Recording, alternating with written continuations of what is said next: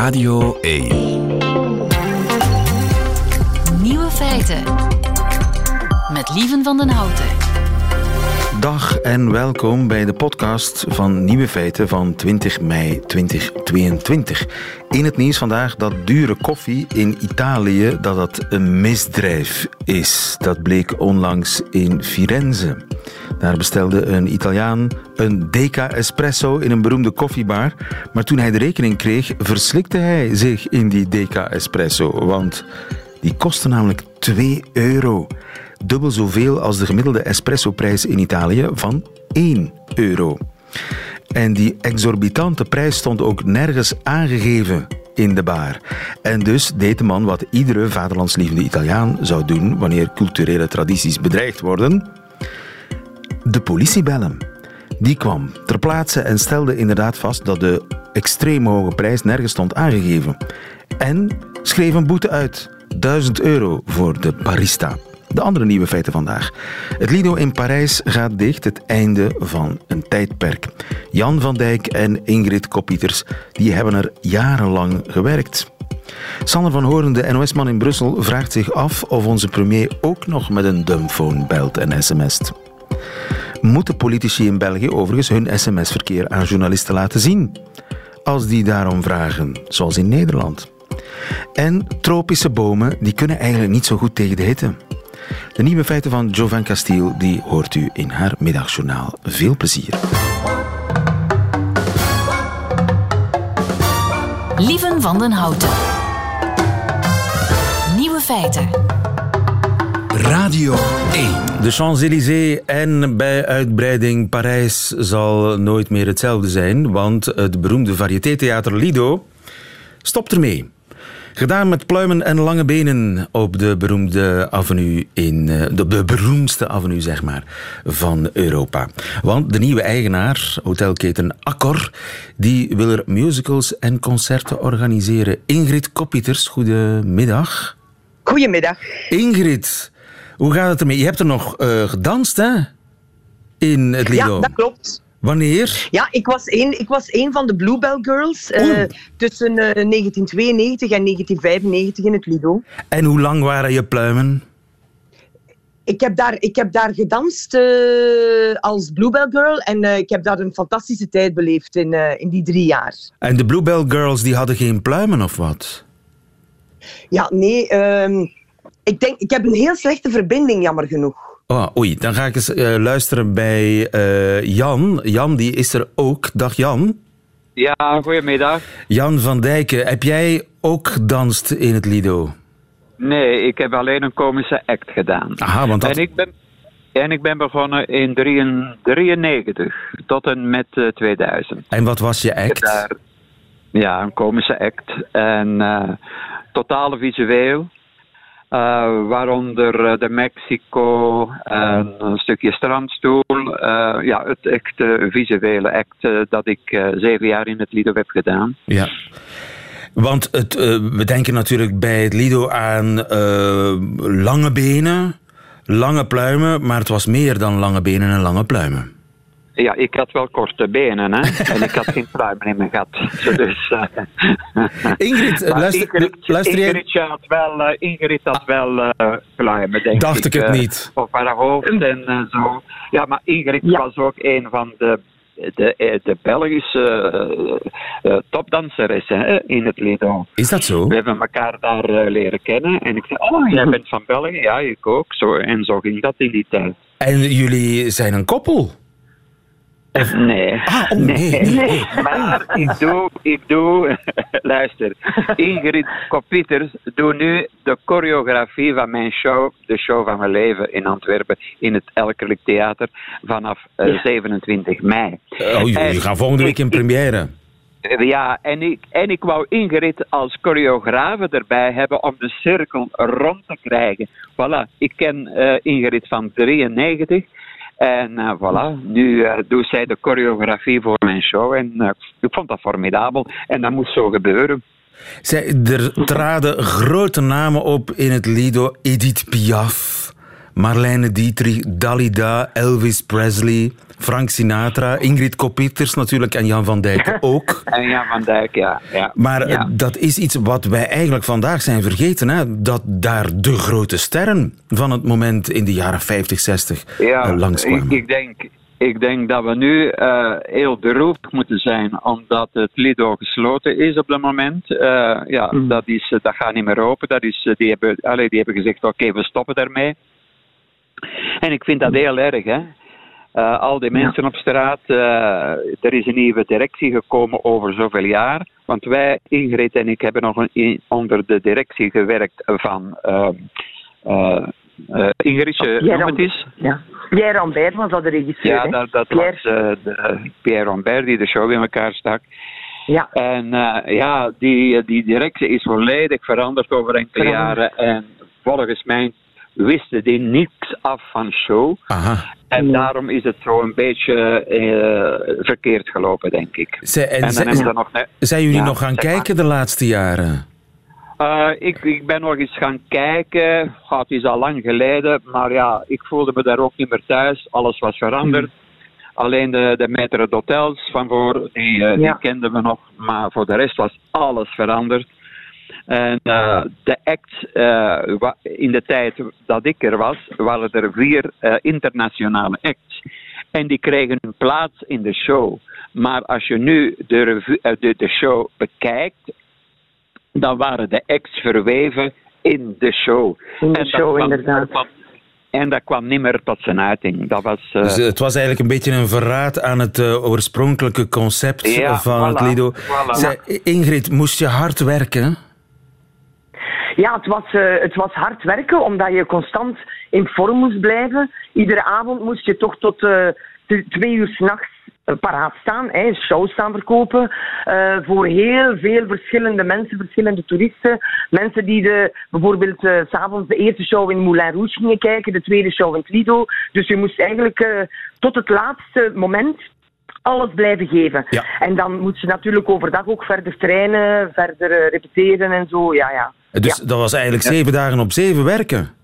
Ja, ja, ja wij, hadden, wij, hadden, ja wij hadden zes dagen op zeven show. Uh, ik denk dat Jan elke dag show had. Uh, gedurende ja, maanden heb, uh, ja.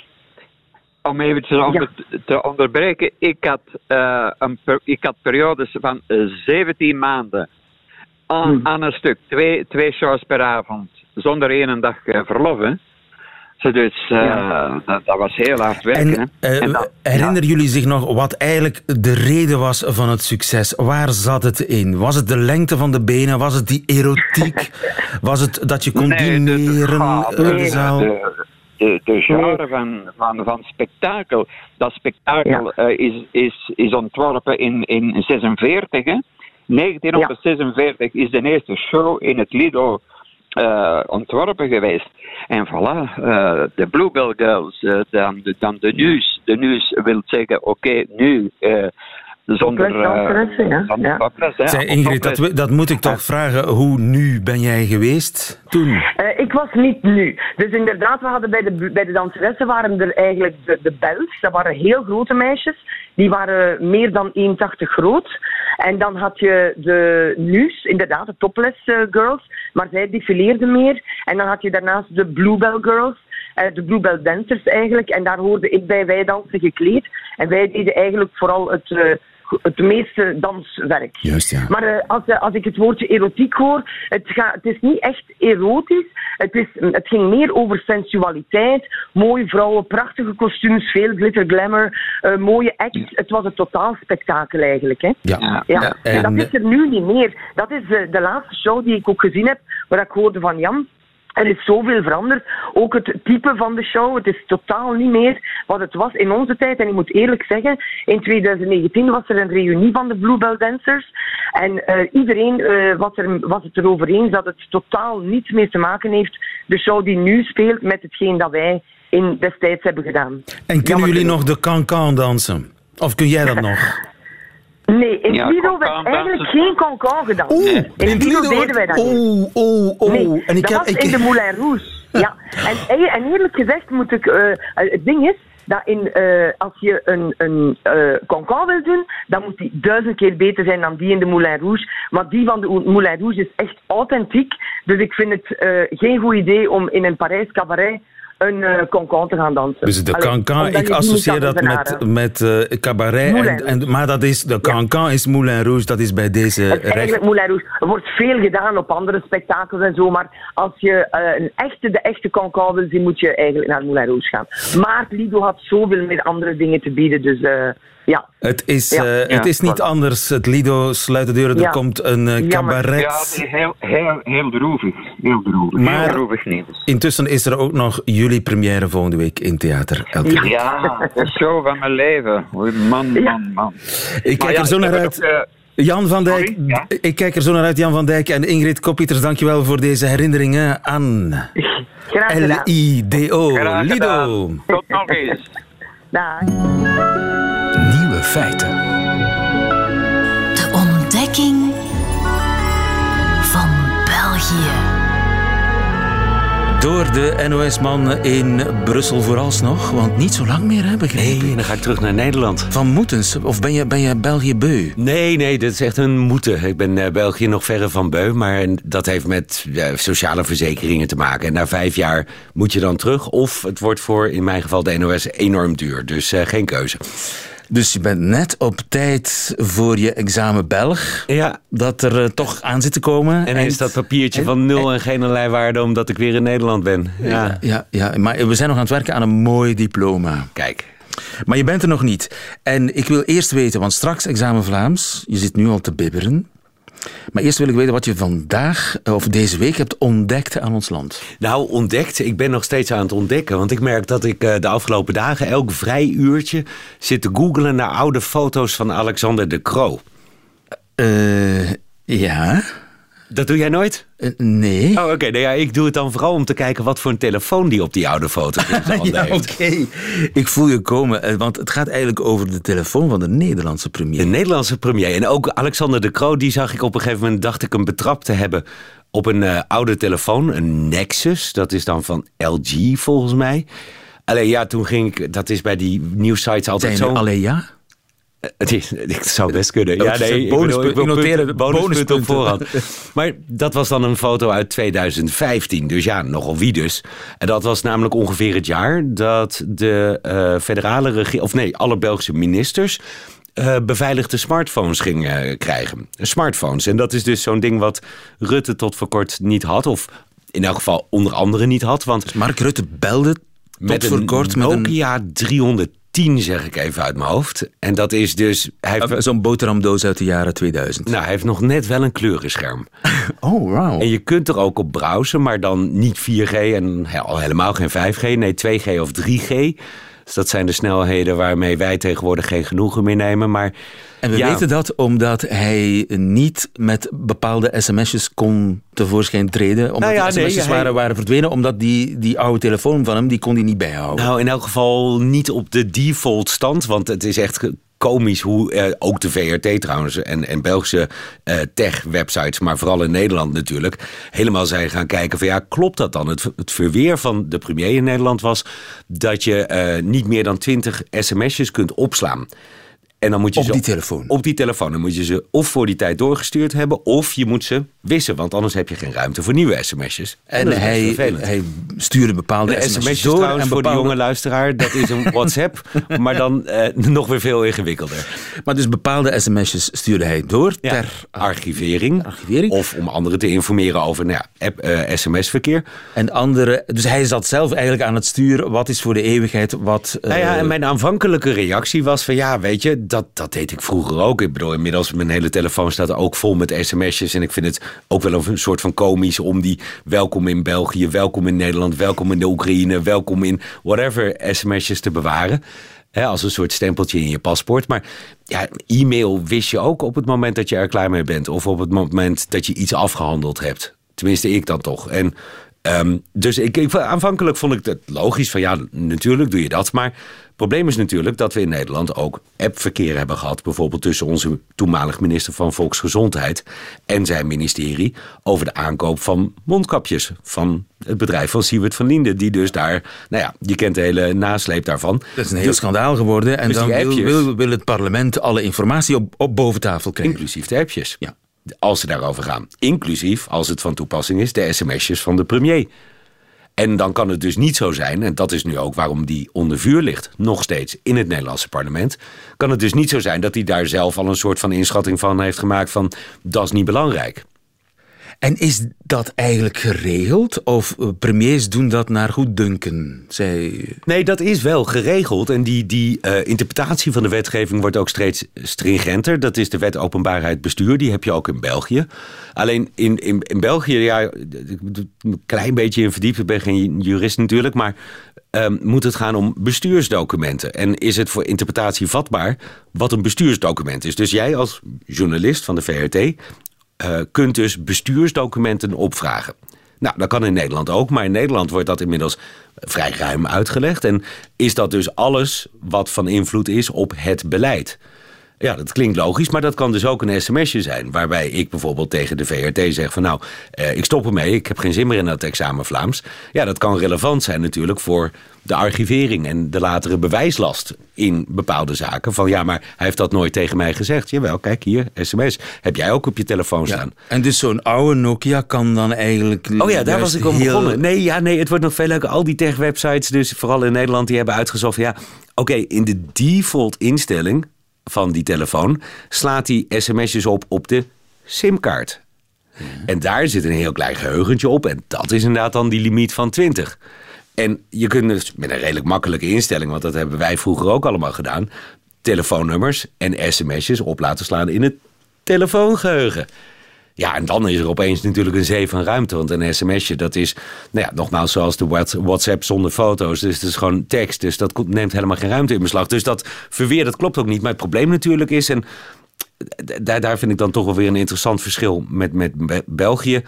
Waar als dit een keer zo aan de orde zou zijn, ik weet niet of het zo zou opspelen. Want wat je in de Tweede Kamer natuurlijk ziet, is dat dit een premier is die inderdaad weer zegt van... nou ja, jongens, ik heb dat naar eer en geweten gedaan... en val me er niet mee lastig, komt het eigenlijk op neer. Terwijl de Kamer zegt van ja, maar dat zeg je dus elke keer. Dat zeg je als het over toeslagen gaat. Dat zeg je als het over weet ik veel wat gaat. En je had Selectief geheugen, wist het niet meer, ik weet niet meer. En je had het nou juist beloofd bij het aantreden van je nieuwe kabinet... dat je een nieuwe bestuurscultuur zou gaan introduceren. Het eerste wat je doet is hiermee komen. En dat is dus wat er echt mis is. En ja, dan denk ik toch, eh, ik weet het niet. in België komt het misschien niet zo ver omdat die uh, opvraagbaarheid van dingen dus wat minder goed geregeld is. En misschien zou het hier dus net zoveel beerputten en dergelijke opentrekken als in Nederland. Maar, maar ben je er al achter gekomen welke telefoon hij gebruikt, onze premier?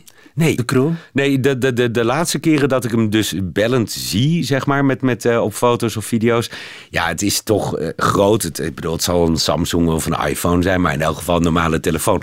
En ja, als je dan echt, weten we inmiddels natuurlijk ook, een heel zwaar beveiligde. Ja, dan moet je een Sky ACC-telefoon of een EncroChat-telefoon nemen natuurlijk. Maar het valt te onderzoeken of... Uh, de, het, met maffia communiceren, sorry. Het appverkeer van onze premier, of dat bij de openbaarheid van bestuur hoort. Ik zeg, een schone taak voor een VRT-journalist die nu een tune gaat instarten.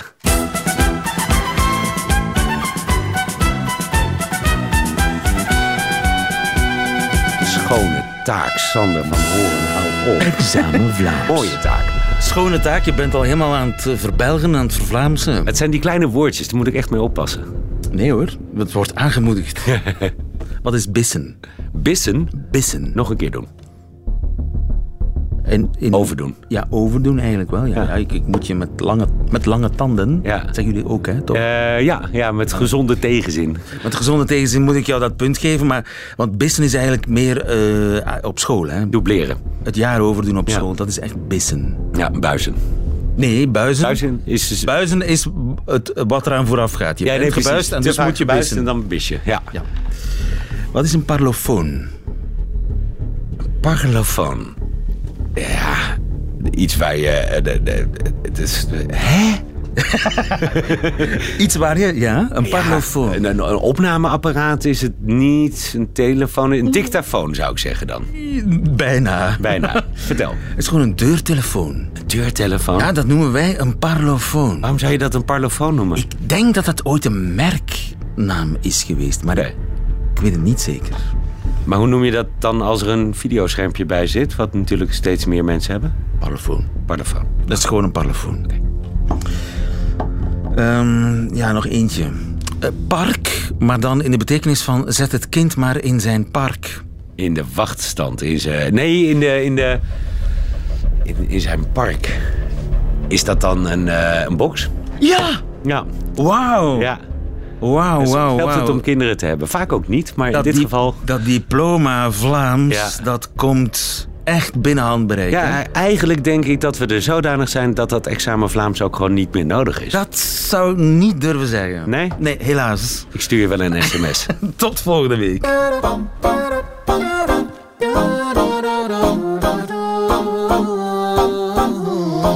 Nieuwe feiten. Heb ik als journalist het recht om de sms'en van de premier op te vragen? In Nederland dus kennelijk wel, want de Volkskrant had de vraag gesteld en de premier moest zeggen: Ja, ik heb ze niet meer, ik heb ze gewist. In België hangt het ervan af, wist Sander van Horen net, maar hij is natuurlijk ook geen jurist. Professor De Becker is dat wel. Goedemiddag, professor. Goedemiddag. Professor De Becker, we hebben een beetje vertraging op de lijn, vrees ik. U zit ook uh, in Italië. U bent uh, ja. professor uh, ambtenarenrecht aan de Universiteit van Gent. In Nederland is er ophef over premier Rutte, die jarenlang zijn bijna zijn sms'en bijna dagelijks heeft gewist. Hij bewaarde alleen wat hij zelf belangrijk vond. Een krant had die ja. sms'en opgevraagd. Zou een krant dat bij ons ook kunnen doen? De sms'en en het appverkeer van de premier opvragen? Het antwoord is zoals altijd in juridische omstandigheden wat genuanceerd. Het is ja in de mate het bestuursdocumenten zijn. Dat betekent in de mate het, het te maken heeft met de uitoefening van de taak van bestuur, dus het, het regeren. Uh, zou dat kunnen? Als het gaat om zijn persoonlijke sms'en, kan je die uiteraard niet opvragen. Ja, maar wie beslist of iets een bestuursdocument is dan wel privé?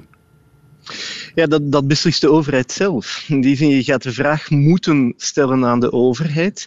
Zij gaan de afweging moeten maken aan de hand van de wettelijke regels of het een... Uh, bestuursdocument dan wel een privédocument is, maar een privédocument is echt wel de absolute uitzondering. Dat wil zeggen dat die restrictief, zoals juristen dat noemen, moet worden geïnterpreteerd. Dus niet te ruim mag worden opgevat en gaat eigenlijk enkel over zaken die te maken hebben met namen van personen die er zouden instaan of pure persoonlijke mededelingen die hij los van zijn ambt als premier zou hebben gedaan. Ja.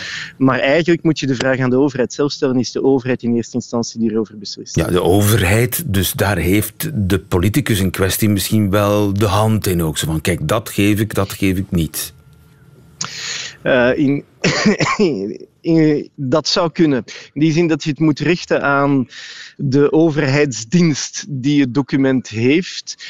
En in zijn geval zou dat dus de algemene centrale diensten zijn bij de Nederlandse overheid. Bij ons zou dat de FOD-kanselarij zijn, waar je het zou moeten vragen. En daar zou de premier inderdaad de hand in kunnen hebben om dat al dan niet te weigeren. Maar ja, in, bijvoorbeeld in de aanloop van een regeringsvorming wordt er natuurlijk, uh, neem ik aan, uh, druk heen en weer geappt. Wat met die, wat met dat. Kunnen we geen deal sluiten daarover? Dat zijn meestal dingen die achter gesloten deuren. Dat hoort bij de achterkamer uh, is is dat dan eigenlijk, zijn dat bestuursdocumenten, die berichten? Dat worden bestuursdocumenten. Er is een uitzondering die bepaalt dat zolang het voorbereidende handelingen zijn en de beslissingen niet zijn genomen, dat ze niet openbaar hoeven te worden gemaakt. Dus zolang die onderhandelingen aan de gang zijn, hoeven die niet openbaar te worden gemaakt. Als later er een regeerakkoord komt, dan kan je die documenten wel opvragen en kan je wel vragen van kijk, mag ik ook de voorbereidende adviezen, de voorbereidende communicatie die er is geweest inkijken. Maar zolang de onderhandelingen aan de gang zijn, geldt daarvoor een uitzondering. Ja, maar eigenlijk is er dan niet zo gek veel verschil tussen de situatie in België en de situatie in Nederland. Nee, dat klopt. Eh, dat heeft te maken met het feit dat het een gevolg is van een internationaal verdrag, het verdrag van Aarhus, dat zowel bindend is voor Nederland als voor België. Dus vanuit die optiek is het inderdaad niet zo'n groot verschil. Het is zelfs nog een, een groter voordeel om het in België aan te vragen dan in Nederland, omdat in België wij een grondwettelijk artikel hebben dat stelt dat wij recht hebben op openbaarheid van bestuur. En in Nederland bestaat dat niet. Dat is het enige grote verschil juridisch tussen beide landen. Ja, dus het is wachten op een krant of een journalist die zegt: mag ik even alle sms'jes en WhatsAppjes zien die in de loop van de regeringsonderhandelingen zijn gepasseerd, om hier hetzelfde dat klopt, in de mate die zijn bijgehouden natuurlijk. Want dan kom je bij het tweede punt.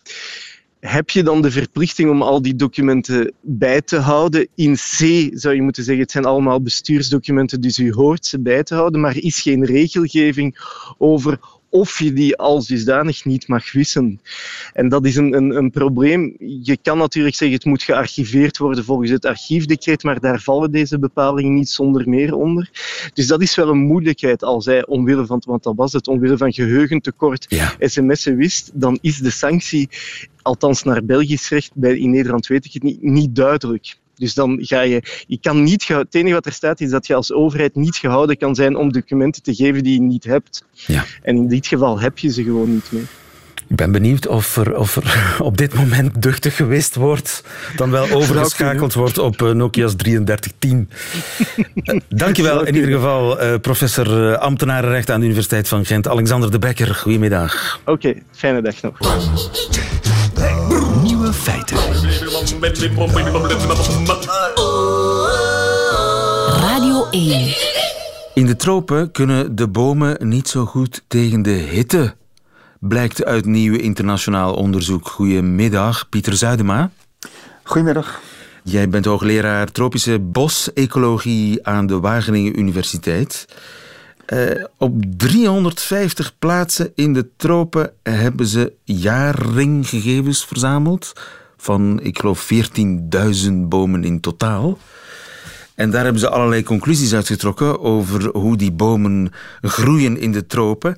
Want help me even, jaarringen, hoe ontstaan die ook alweer? Neem nu bij bomen bij ons. Nou, voor de bomen bij ons in, uh, in België en in Nederland ook uh, geldt dat uh, een, de grens van een jaring wordt gemaakt op het moment dat de boom ophoudt met groeien. dus aan het einde van het groeiseizoen en het begin van het groeiseizoen worden andere houtcellen gemaakt, andere houtstructuren, soms andere kleur, andere type cellen gemaakt. En dat zien wij als het, het bandje dat de grens van een jaring weergeeft. Ja, dus het hangt samen met de seizoenen eigenlijk. In de lente groeit een boom het, het snelst. Um, in de lente groeit de boom inderdaad het snelst. En in de herfst houdt hij ermee eh, mee op. Vaak houdt hij eigenlijk wel wat eerder mee op in het, in het groeien met, in het hout. En bij ons is dat uh, op deze manier bepaald met temperaturen. En dus wat dat betreft de seizoenen. In de tropen werkt het anders. Uh, en heb je geen koude en warme seizoenen. Maar natte en droge seizoenen. Ja. En dan groeit een boom in het natte seizoen. En hij stopt met groeien in het droge seizoen. Dus er zijn wel degelijk jaarringen. Ja, zeker. Um, dat weten we ook wel eigenlijk al een tijdje. Er, is een studies zijn gedaan uh, door Engels uh, eind 19e eeuw naar Teak en uh, begin 20e eeuw ook um, naar allerlei soorten.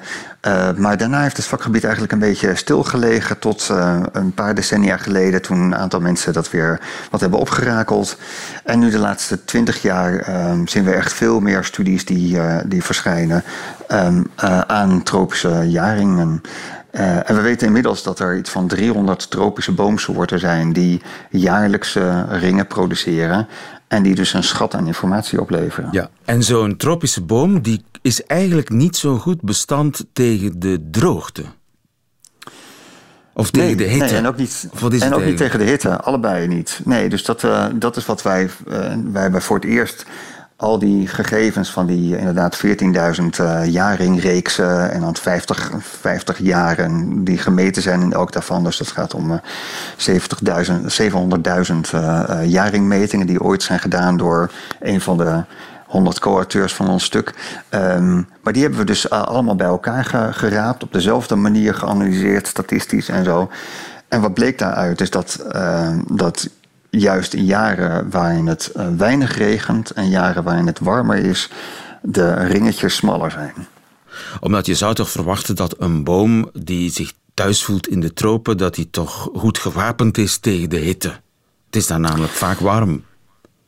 Ja, zeker. De, uh, dat zou je verwachten. Maar de uh, tropische bomen kunnen ook niet ontsnappen aan soort van de, de regels en de fysiologische wetten die er zijn. En die ervoor zorgen dat bij ehm, eh, echt hele hoge temperaturen de fotosynthese langzamer gaat. Bij, dat bij hoge temperaturen de hoeveelheid brandstof die je hebt, hè, de suikers die je hebt geproduceerd als boom met je, met je fotosynthese, uh, die je moet spenderen aan allerlei cellulaire processen en de groei en zo, dat wordt veel groter. En wat ook een rol speelt, is dat bij hogere temperaturen ehm, ook de verdampingsvraag enorm toeneemt. Dus die bomen die transpireren veel meer.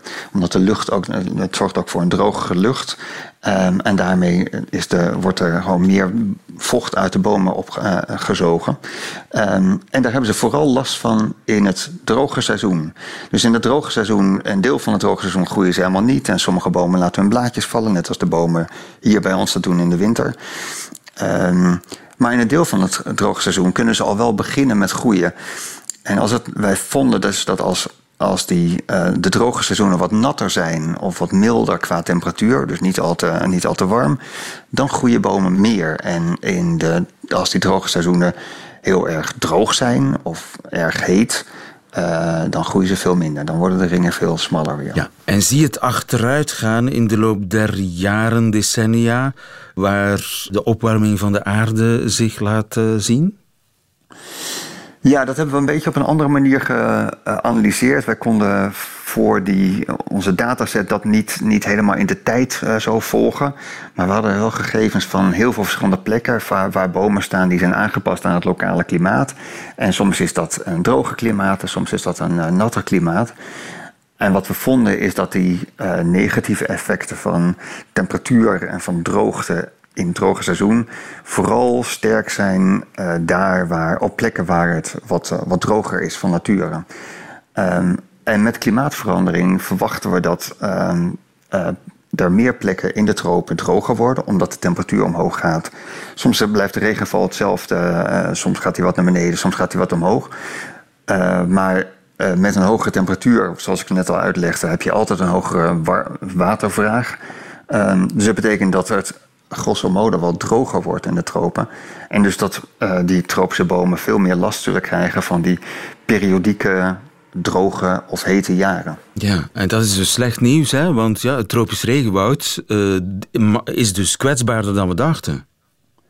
Ja, zeker. En dat betekent dus ook dat um, in die jaren dat um, er bijvoorbeeld in grote delen van de tropen, bijvoorbeeld in El Nino-jaren, dus dat, zijn dat is zo'n klimaatfenomeen dat ervoor zorgt voor een enorme verandering van, van, het, van het weer uh, en, en, voor droogtes en soms ook op sommige plekken ook uh, bloeiende woestijnen en zo.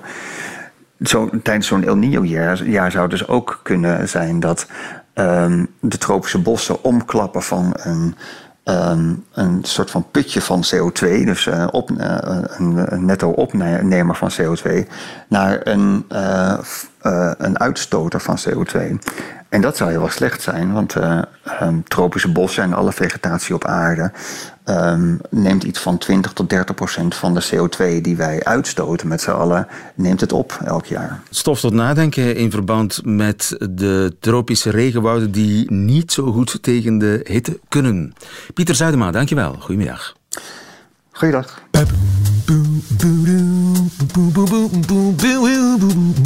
Radio 1. Nieuwe feiten. Ziezo, dat waren ze weer. De nieuwe feiten van 20 mei 2022. Alleen nog die van Jovan Castiel, nu in haar middagjournaal. Nieuwe feiten. Middagjournaal. Goedemiddag. Als je, zoals ik, als buitenlander naar België komt, is het makkelijk om veel dingen over Vlamingen te leren, want er is niks waar Vlamingen liever over willen praten dan Vlamingen. Er zijn zoveel gezegden over wat typisch Vlaams is. Een van de eerste gezegden die ik ooit hoorde was: Vlamingen hebben een baksteen in hun maag. Dat betekent dat Vlamingen graag in hun eigen huis wonen, Jovanka. Dus vroeg ik. Dat iemand graag in een huis wilt wonen is typisch Vlaams? Oh ja. En de rest van de dag moest ik me afvragen waar Vlamingen dachten dat andere mensen wilden wonen. Dachten ze dat we liever in bomen woonden? Door de jaren heen hoorde ik meer en meer van dat soort dingen. Met de fiets rijden, frietjes eten en zelfs te veel drinken zijn blijkbaar allemaal typische dingen van hier. En hoe langer ik in Vlaanderen woonde, hoe meer mensen begonnen te praten over de typische Vlaamse dingen die ik deed. Kijk naar Jovanka. Zij houdt van honden en doet soms een trui aan als het een beetje koud is. Ze is een typische Vlaming aan het worden. En ik begon me af te vragen of dat ze gelijk hadden. Want ik moet het toegeven, ik drink graag alcohol en ik woon graag in een huis. Ben ik echt een Vlaming aan het worden? Hier is wat ik echt vreemd vind. Vlamingen weten veel over andere culturen omdat ze zoveel reizen. Ja, ja, ik weet het, typisch Vlaams. Maar verbazen Vlamingen zich nooit over hoe mensen in andere landen zoveel typisch Vlaamse dingen doen? Wauw, ik was op reis in Australië en zag hoe de mensen daar van barbecuen houden, zoals typische Vlamingen. En in Italië houden ze van pasta en in Denemarken eten ze graag brood met kaas, allemaal typisch Vlaamse dingen. En dat is het. Er is maar één conclusie. De wereld is typisch Vlaams. Tot volgende keer.